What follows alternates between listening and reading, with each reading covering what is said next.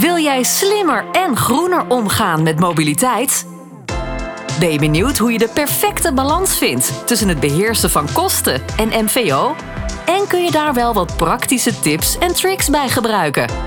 Samen met mobiliteitsprofessionals bespreken presentator Volker Tempelman en consultants Elske van der Vliert en Arjos Bot de laatste ontwikkelingen en trends binnen de zakelijke mobiliteit. Welkom bij de Mobiliteitsprofessionals. Deel 65 van de podcast van de Mobiliteitsprofessionals. Elske en Arjos, welkom. Dankjewel, Volkert.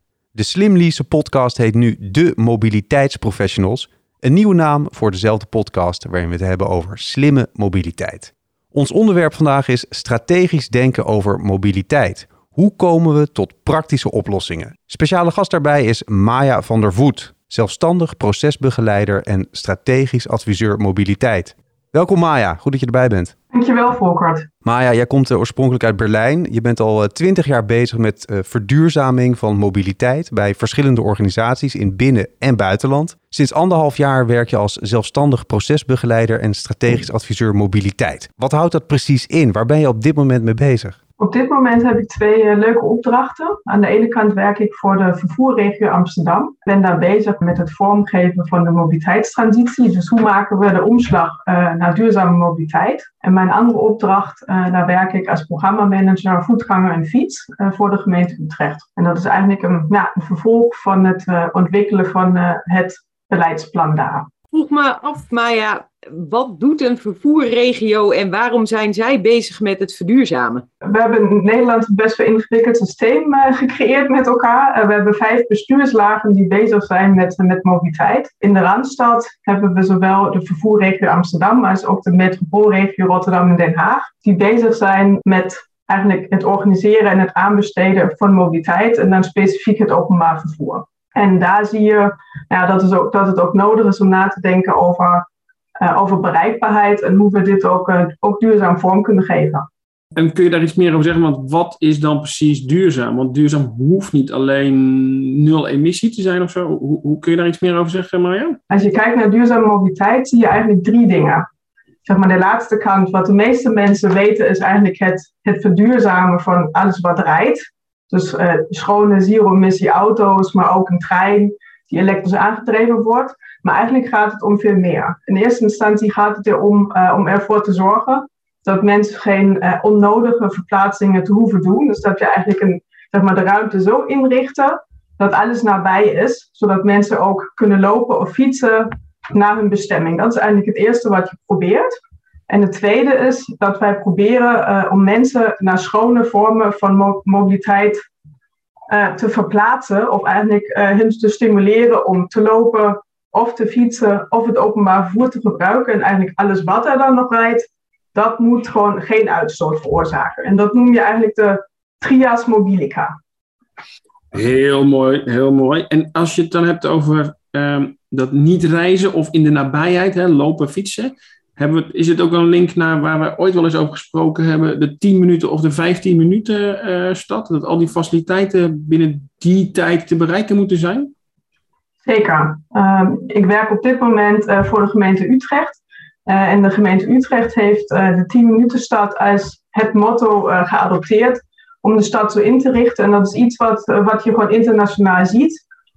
Dat wij het principe van nabijheid heel belangrijk vinden om, om het ook mogelijk te maken dat mensen überhaupt nou, in de nabijheid hun voorzieningen hebben en daardoor ook ja, ergens naartoe kunnen lopen, uh, de fiets kunnen pakken. En daardoor, nou, dat vraagt dus ook een fijne omgeving. Dat is de 10 minuten of de uh, ja, 15 minuten stad of 15 minute city, zoals het internationaal wordt. Luister naar de mobiliteitsprofessionals. En hoor van mobiliteitsprofessionals de laatste ontwikkelingen en trends binnen de zakelijke mobiliteit. Want jij hebt eerder gewerkt ook als programmamanager van Tour de Force. Had dat daar ook mee te maken met dat uh, steden zeg maar, op deze manier willen inrichten? Kan je daar wat meer over vertellen?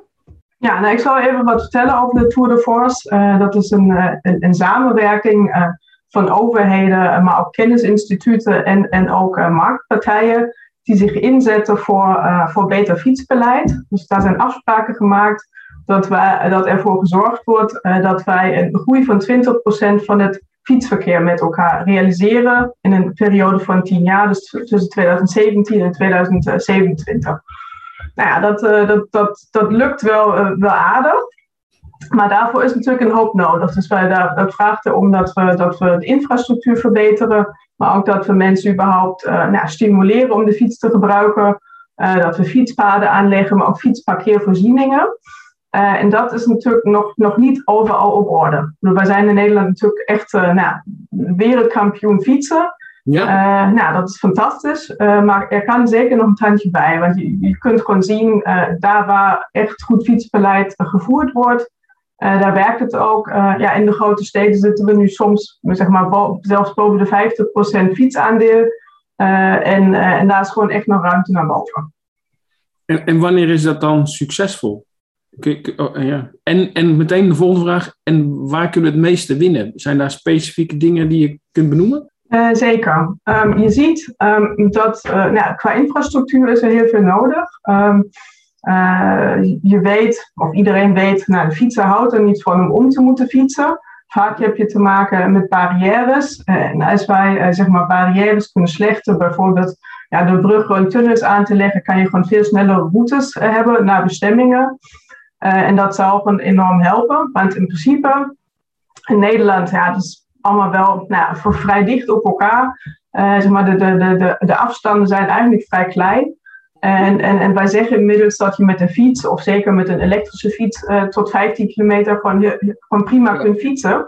Um, en als wij uh, zeg maar onze uh, mobiliteit zo inrichten dat mensen ook gewoon nou, heel gemakkelijk de fiets kunnen pakken door, door veilige en comfortabele routes aan te leggen. Of om goede zeg maar, overstapvoorzieningen, dus fietsparkeervoorzieningen bij openbaar vervoer, stations en haltes aanleggen uh, ja, dan zullen mensen dat ook doen. Dus daar waar, wij dat doen, uh, zien we ook dat het een, groot succes is. Dus dat vraagt gewoon echt flinke investeringen. En um, afgelopen jaar zijn ook bestuurlijke afspraken hierover gemaakt. Er is met elkaar afgesproken dat wij nationaal toekomstbeeld fiets uitwerken. Um, dat is inmiddels in contouren klaar. En er is berekend dat we ruim 12 miljard nodig hebben om uh, de fietsinfrastructuur in Nederland helemaal op orde te brengen. Klinkt in eerste instantie als heel veel geld, en dat is het ook. Ja. Maar, maar als je kijkt, uh, nou ja, dat, dat je voor dit geld nu uh, vier, vijf, zes korte stukken snelweg uh, kunt verbreden, dan valt het eigenlijk wel weer mee. Want met dit geld kan je dus voor heel Nederland de volledige fietsinfrastructuur op orde brengen, zodat we gewoon eigenlijk voor de korte afstanden die toch nou, de meeste mensen afleggen, Mhm. Eh, ja, dat is eigenlijk best wel, uh, nou ja, best wel meevallen. En heel kostenefficiënt. En uh, nou ja, zeker als je het ook linkt aan ja, de woningbouwopgave die wij, die wij op dit moment gewoon zien. De verstedelijking en de klimaatopgave. Nou, dan zou dat enorm helpen als wij gewoon flink investeren in de fiets. Maya, gaat het ook gebeuren? dat hopen wij allemaal. Je ziet, uh, nou ja, de gemeenten die kampen natuurlijk met, uh, nou ja, met, met, financiële tekorten, of nou, die, die middelen zijn er eigenlijk niet. Bij provincies zie je dat er in de afgelopen jaren uh, uh, heel veel budget toegekend is aan fietsprojecten. maar je ziet dat het nodig is dat en Rijk en, het, en de regio samen uh, afspraken maken om ook te investeren in de fiets. En, en iedereen hoopt er nu op dat wel zeg maar met het nieuwe kabinet ook afspraken gemaakt worden om flink te investeren juist in die duurzame modaliteiten, dus en de fiets, maar ook het openbaar vervoer, wat gewoon heel hard nodig is om ja, echt een duurzaam mobiliteitssysteem op te bouwen. En nou zei je dat in de Tour de Force uh, hè, zowel overheid als marktpartijen samenwerken. Uh, ligt hier voor marktpartijen, bedrijven, werkgevers ook een taak? Of uh, in die infrastructuur? Of zit dat vooral bij het stimuleren waar je het ook over had? Nou, in eerste instantie zit dat, zit dat bij stimuleren, wat mij betreft, voor, voor werkgevers. Om daar gewoon echt nou, eigenlijk de mogelijkheden die er zijn, om die ook zeg maar, aan te dragen aan hun, medewerkers. Um, echt investeren in infrastructuur is, nou ja, waarschijnlijk niet echt aan de orde, maar je kunt zeker ook kijken van ja, wat, wat, wat vraag je nou eigenlijk als bedrijf, misschien ook als, als kantoor, voor ja, wat voor soort mobiliteitsvoorzieningen verwacht je nou eigenlijk? En, en, en hoe ga je dan ook om met, met bijvoorbeeld een gemeente? Vraag je om parkeerplaatsen of ga je juist uh, de vraag stellen over, over fietsparkeervoorzieningen? Nu zie je dat het vaak heel erg vanuit, uh, vanuit de overheid met, met regeltjes uh, wordt gedaan en met, met normen, maar je zou ook van anders daarna kunnen kijken en ook nou ja, als werkgever aangeven, wij, wij hebben echt die fietsinfrastructuur nodig of wij vinden het echt belangrijk dat, dat mensen vanaf het station via een fijne route naar ons, naar ons bedrijf kunnen lopen dat je dat soort dingen uh, gewoon heel duidelijk vraagt. En uh, ja, misschien toch iets minder nadruk op, uh, op de autobereikbaarheid. Wat dat betreft. De mobiliteitsprofessionals. Elske en ik spreken natuurlijk heel vaak werkgevers. Um, die worstelen hier eigenlijk ook wel mee. Van wat is onze rol, onze verantwoording en wat is buiten onze scope? Is dat ook iets waar jij um, mee te maken hebt of mee te maken krijgt op jouw uh, vakgebied? Nou, je ziet, um, ik ga toch weer het, het voorbeeld uh, Utrecht aan, waar ik uh, projectleider was voor de actualisering van het mobiliteitsplan. Ja. Een van, van de pijlers daarin, die hebben wij genoemd anders reizen. Dus nou, eigenlijk die trias mobilica die ik beschreven heb, hoe krijgen ja. mensen nou ja, zover om op een andere manier, nou ja, misschien vaker thuis te werken. Dat is natuurlijk iets wat nu door, nou ja, door corona toch iets is wat we hebben moeten leren, maar waar ook blijkt dat mensen toch wel kunnen. Um, maar ook hoe, hoe kan je vaker de fiets pakken of met het openbaar vervoer reizen enzovoort. Um, en het is belangrijk. En we hebben in het mobiliteitsplan ook, nou ja, eigenlijk besproken dat wij met werkgevers uh, aan de slag gaan en in gesprek gaan. Dat is iets wat natuurlijk al gebeurt. Uh, om, uh, om ook afspraken met elkaar te maken. En dat gaat dus echt over nou ja, wat, wat voor soort bedrijfsbeleid voer je eigenlijk uit met je medewerkers? Wat voor afspraken maak je, maak je met je medewerkers over op welke dagen kom je naar kantoor? Want je ziet, nou ja, dat is ook ja. best, wel, best wel een dingetje. Uh, vaak werk je inmiddels ook wel met zelfsturende teams. Um, maar als je dan kijkt, nou ja, dan, dan, wil toch iedereen op maandag, dinsdag en, en donderdag naar kantoor. Ja, dus dan is het sowieso aan druk, zeg maar. En op kantoor is het druk, maar ook op de weg of in het ja. openbaar vervoer uh, is het druk. Dus hoe kan je daar gewoon tot, tot goede oplossingen komen? Um, en het andere is natuurlijk ook, um, het, ja, wij zien in Utrecht dat uh, ja, de stad gigantisch groeit. Het is de snelst groeiende stad van Nederland. Uh, even ter illustratie. Uh, binnen 40 jaar, dus tussen 2000 en 2040, verdubbelt het aantal inwoners. Dat is, dat is echt gigantisch. En uh, er komen heel veel arbeidsplaatsen bij. We gaan er nu vanuit dat er nu nog, nog, nog, nog 85.000 arbeidsplaatsen bijkomen de komende 20 jaar. ja, en om dat voor elkaar te krijgen, ja, daar is eigenlijk een, een hele omwenteling van het mobiliteitssysteem nodig. Dus er moeten nieuwe stations komen en rond die stations, daar moeten ook vooral die, die, die nieuwe werkgelegenheid uh, komen. Maar het brengt ook met zich mee uh, dat ja, deze werkgelegenheidskantoren, zullen het met name zijn, ja, dat er ook geen parkeervoorzieningen komen. Uh, omdat nou ja, de, de ring Utrecht, nou, die zit al vol, daar kan eigenlijk niks meer bij. Dus nou, het, het, vraagt dus ook afspraken met, ja, met de werkgevers, maar ook met, met, de, met, uh, met de branchevereniging van werkgevers ja, hoe ga je hier eigenlijk mee om? Dus, dus zeg maar, het is echt een soort omdenken wat je nodig hebt. Van ja, natuurlijk wil je uh, uh, je, je, je, medewerkers uh, op kantoor krijgen, maar hoe doe je dat dus op, eigenlijk op een slimme manier? En, en, en de auto, ook al is die zero emissie, nou, is dan vaak niet, niet de meest handige oplossing. Dus er zullen ook zeg maar, ten eerste geen geen of heel weinig parkeerplaatsen komen. Dus dat kan gewoon eigenlijk fysiek niet.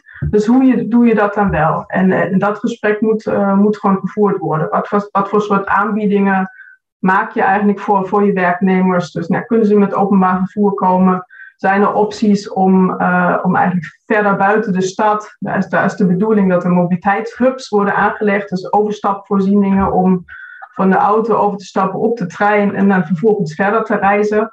Uh, ja, en dat moet, nou ja, dat moet gewoon tussen de oren komen, zowel bij de werkgevers, maar ook uiteindelijk bij de werknemers, dat, dat iedereen dat ook begrijpt, dat dat eigenlijk wel prima werkt. Ja, dat begint in feite al bij, uh, laten we zeggen, bij projectontwikkelaars en misschien zelfs wel gemeenten die bepaalde parkeernormen uh, afgeven. En zeker als, ja, ik, ik, ben daar wel enigszins ook bekend mee, maar als je nu een nieuwe woontoren ergens in, of een woonwerktoren, noem ik het maar, kantoor neerzet in Utrecht, dan, dan ja, parkeren is eigenlijk gewoon niet mogelijk. Gewoon uh, een paar plekken en met een beetje stroom, zodat je daar deelauto's of deelfietsen, deelscooters, deel, dat is de toekomst dan, deelmobiliteit. Ja, nee zeker. Dus dat is wel, um, ja, een voorbeeld is in Utrecht de Meerwede kanaalzone. Ja. Uh, daar wordt uitgegaan van een parkeernorm van 0,2. Uh, zeg maar, normaal is uh, volgens mij 1,6. Zeg maar gemiddeld in Nederland, dus 1,6 auto's per, zeg maar, voor iedere voordeur in feite. Ja. Ja. En in Utrecht wordt het dus 0,2. Dat betekent voor vijf huizen heb je dus gemiddeld één parkeerplaats. En uh, nou, daar worden dus afspraken gemaakt met projectontwikkelaars, wat jij zegt, om, om wel ja, een mobiliteitsaanbod te realiseren. Dus dat zou in eerste instantie, ja, in de buurt gaat het dan om, om, om deelmobiliteitsvoorzieningen, deelauto's, maar ook deelscooters, uh, deelbakfietsen, ja, zodat je dus eigenlijk verschillende vormen aanbiedt. En, en voor wie wel een auto wil hebben, ja, daar is de bedoeling om aan de rand van de stad uh, ook weer parkeervoorzieningen aan te leggen. Maar die mensen moeten daar uiteindelijk ook, ook kunnen komen. En wat mij heel erg leuk lijkt, is, het, is dat, de, dat de markt voor mobiliteitsaanbieders dus daar gewoon heel, leuk, heel goed over nadenken. Wat zijn dan nou eigenlijk die innovatieve oplossingen? Wat, uh, zeg maar, wat heeft de stad, stadse bewoner dan eigenlijk nodig om, om mobiel te zijn? Ja, dat is eigenlijk de grote uitdaging waar we, waar we de komende jaren voor staan. nou, dus zowel de overheden maar ook uh, aanbieders van, van mobiliteit. Dus je ziet natuurlijk vaak, nou ja, leasemaatschappijen zeggen toch, ja, wij zijn aanbieders van mobiliteit. En vaak is het toch bij heel plat, ja, je krijgt een auto.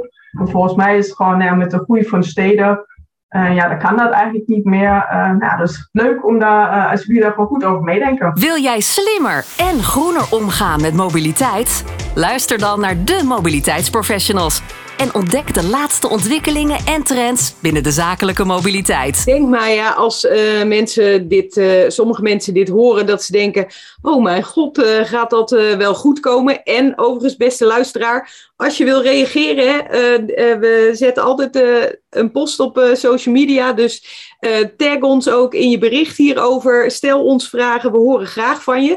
Maar ik denk dat er ook wel voordelen zijn voor mensen. Dat we gewoon eens minder auto's op straat hebben.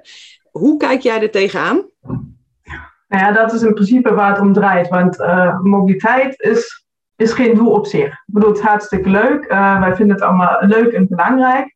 Maar uiteindelijk gaat het erom uh, dat wij een, ja, een fijne woonomgeving hebben. Um, fijne steden, fijne dorpen, fijne buurten. En uiteindelijk wil iedereen dat. Um, en uh, ja, weer het voorbeeld Utrecht. Uh, ja, het college heeft, uh, heeft aangegeven dat, dat ze willen werken naar gezond stedelijk leven. Dus dat is eigenlijk nou, het, het grote, zeg maar, de grote kapstok waar alles onder gebeurt. Dus um, verschillende thema's moeten hier een bijdrage aan leveren. Dus wij zien nu, misschien nou, is, is het ook gezien, het was, was ook in de media. Um, eigenlijk hebben we ruimte nodig op straat, zodat mensen meer kunnen fietsen, dat ze meer kunnen lopen, maar ook fijne plekken hebben om te verblijven, om elkaar te ontmoeten. Dus echt ook meer groen uh, op straat, zodat we ook ja, ruimte kunnen geven voor, voor klimaatadaptatie. En ja, daarvoor moeten wel parkeerplaatsen wijken. Maar uiteindelijk doen we het ervoor om, ja, om gewoon echt mooie steden te creëren, zodat mensen, het wordt gewoon hartstikke druk in de stad. Mm. Maar dan moet, daardoor moet het ook leuk zijn. Maar ja, je noemt al uh, de raad in Utrecht. Er komen gemeenteraadsverkiezingen aan. Waar moeten we als luisteraar op letten in de, verkiezingsprogramma's op dat niveau als het gaat om mobiliteit? En zeker vanuit het oogpunt van de, de werkgever? Ja, je ziet, um, als je naar verkiezingsprogramma's kijkt, dat het eigenlijk allemaal niet zo heel veel van elkaar afwijkt. Eigenlijk zie je toch wel dat, dat iedereen toch, zeg maar, mobiliteit is sowieso niet het allerbelangrijkste. Dat, dat is één. Uh, dus heel veel andere kwesties zeg maar, zijn bovenliggend. Hoe gaan we om met, met, met werkgelegenheid, met sociale kwesties, met ja, inmiddels gelukkig ook wel het thema klimaat uh, en milieu. Dat, dat speelt toch een steeds grotere rol. Dat zie je ook erin terug. Maar als je naar mobiliteit kijkt, dan zie je dat thema's als, als veiligheid heel belangrijk zijn. bereikbaarheid, dus ergens kunnen komen, dat vinden mensen, dat, zeg maar, dat, dat wordt in verkiezingsprogramma's beschreven. En de nuances nou van links naar rechts, die zijn dan net, net iets anders. Je ziet uh, nou ja, toch bij zeg maar de, de, meer de VVD-achtige partijen, daar zie je toch wel dat, dat het, het motto vaak vrijheid is. Dus vrij kunnen kiezen om, om ergens te komen. En uiteraard denk ik dat iedereen dat onderschrijft, dat je vrij moet kunnen kiezen om ergens ja, een keuze te maken wat, wat je doet. Alleen is de vraag in hoeverre wij als maatschappij daar ruimte voor willen geven of ons geld daarvoor uit willen geven. en, en volgens mij is dat precies, en dat precies de nuances. Um, vaak staan in, in programma's, ja, je moet, je moet vrij kunnen kiezen voor de auto en je moet snel ergens kunnen komen. En, maar vaak kan dat eigenlijk niet, omdat we gewoon de ruimte gewoonweg niet meer beschikbaar is of wij andere dingen ook belangrijk vinden. Dus we moeten toch, toch keuzes maken. En dat, uh, nou ja, dat, dat is belangrijk. De mobiliteitsprofessionals. We hebben in eerdere podcasts ook wel eens gesproken over de fietssnelweg. Dus dat je langere afstanden het fietsen optimaliseert. We hebben hier nu vandaag gesproken met name over optimaliseren van de mogelijkheden rondom fietsen laten we zeggen, tot een afstand van 15 kilometer. Um, hoe kijk jij dan, ofwel de gemeente uh, Utrecht, aan tegen fietssnelwegen? Kun je daar iets over zeggen, Marja? Nou, sowieso um, zeggen we inmiddels landelijk niet meer graag uh, fietssnelweg, omdat het toch wel een beetje een, uh, ja, negatieve reacties oproept. Okay. Je wordt ook vaak gezegd van ja, de, de, de fiets wordt een nieuwe auto als we niet, uh, niet oppassen. Want als je zegt van ik krijg een fietssnelweg uh, voor mijn deur, dan, uh, dan hebben mensen ook zoiets van wat gebeurt er nou? Dus wij hebben het eigenlijk liever over regionale doorfietsroutes. Oh ja. Je ziet dat deze routes met name rond de centra liggen, dus wel zich voornamelijk richten op, op de afstand tot 15 kilometer. Wij zien echter wel dat door de, nou ja, door, door de, de ruimtelijke structuur van Nederland, die, die netwerken natuurlijk gewoon bij elkaar komen. Want als je kijkt, Den Haag, Rotterdam, uh, een, een spinnenweb om bij de steden heen, dan ligt Delft ertussen. Ja, dan raken die, die routes elkaar, waardoor je bijna automatisch langere afstandsroutes krijgt. En je ziet door de komst van, van, van de speed pedelec, waar je natuurlijk nou ja, tot 45 km per uur kunt fietsen in ieder geval buiten de kom, dat is belangrijk, mm -hmm. um, dat je daardoor ook langere afstanden kunt afleggen. Dus nou, bijvoorbeeld een van de routes die, die, die de gemeente Utrecht heel belangrijk vindt en, en heel kansrijk acht, is de Dam tot Dom route tussen Amsterdam en Utrecht. En belangrijk is dat het ook ja, een route biedt die en deze steden met elkaar verbindt. daar is zeker een doelgroep voor. En het verbindt ook de tussenliggende kernen met de beide steden. En dat is eigenlijk steeds wat je, wat je gewoon mee wilt pakken. Je wilt de routes gewoon zo aanleggen dat je eigenlijk een soort kralenketting hebt met, met, met kernen die je langs een route met elkaar verbindt. Maar ja, heb je nou één tip voor de mensen die luisteren, hè, die vanuit hun functie bezig zijn met zakelijke mobiliteit, om het fietsen echt te stimuleren? Nou, ik denk dat uh, het onder de aandacht brengen van, uh, van de leasefietsregeling, dus de, de, de, de, de fiets in de werkkostenregeling, ja, dat is sinds vorig jaar vereenvoudigd. maar eigenlijk zien we nog niet dat het, dat het tot grote getalen leidt. Dus ik denk dat dat aan de ene kant toch nog onbekendheid is. Um, en dus daar kunnen zeker de aanbieders bijdrage aan leveren om ook het bij werkgevers gewoon duidelijk te maken uh, ja, vaak zie je toch van, nou ja, auto is natuurlijk een, bonus. Iedereen wil het hebben, dus het, het, zit niet echt tussen de oren. Maar je kunt het ook promoten van, nou ja, als je een fiets geeft, zou je uh, je werknemer gewoon een extra loon kunnen betalen. Dus het is gewoon eigenlijk minder kostbaar. En, um, en je hebt vooral gezonde werknemers, want dat is ook wel wetenschappelijk bewezen. Als je gewoon vaak op, je, zeg maar, op de fiets naar je werk komt dat je gewoon fitte, vitale werknemers hebt. En, en volgens mij willen we dat met elkaar. Dit was deel 65 van de podcast van de mobiliteitsprofessionals. Te gast was Maya van der Voet, zelfstandig procesbegeleider en strategisch adviseur mobiliteit. Maya, dankjewel. Graag gedaan. Iedereen bedankt voor het luisteren. We blijven graag met jullie in contact. Laat van je horen, bijvoorbeeld op LinkedIn en tag ons dan gewoon in je bericht. Maya, kunnen mensen die luisteren jou ook uh, taggen in uh, berichten op LinkedIn? Zeker. Ben jij ook te mailen als mensen specifieke vragen hebben? Mijn e-mailadres is uh, maya.zijwetdeweg.nl maya.zijweetdeweg.nl Elske, waar ben jij te bereiken? Via LinkedIn natuurlijk en op van de Vliert apenstaartje zero-e.nl. Ja, en mensen, Elske, kunnen altijd ook inhaken op wat we bespreken hè, in de podcast. Vragen, tips, suggesties, alles is welkom om ook uh, digitaal de dialoog verder uh, door te voeren en uh, te houden. Graag zelfs. Arjos, waar ben jij te bereiken?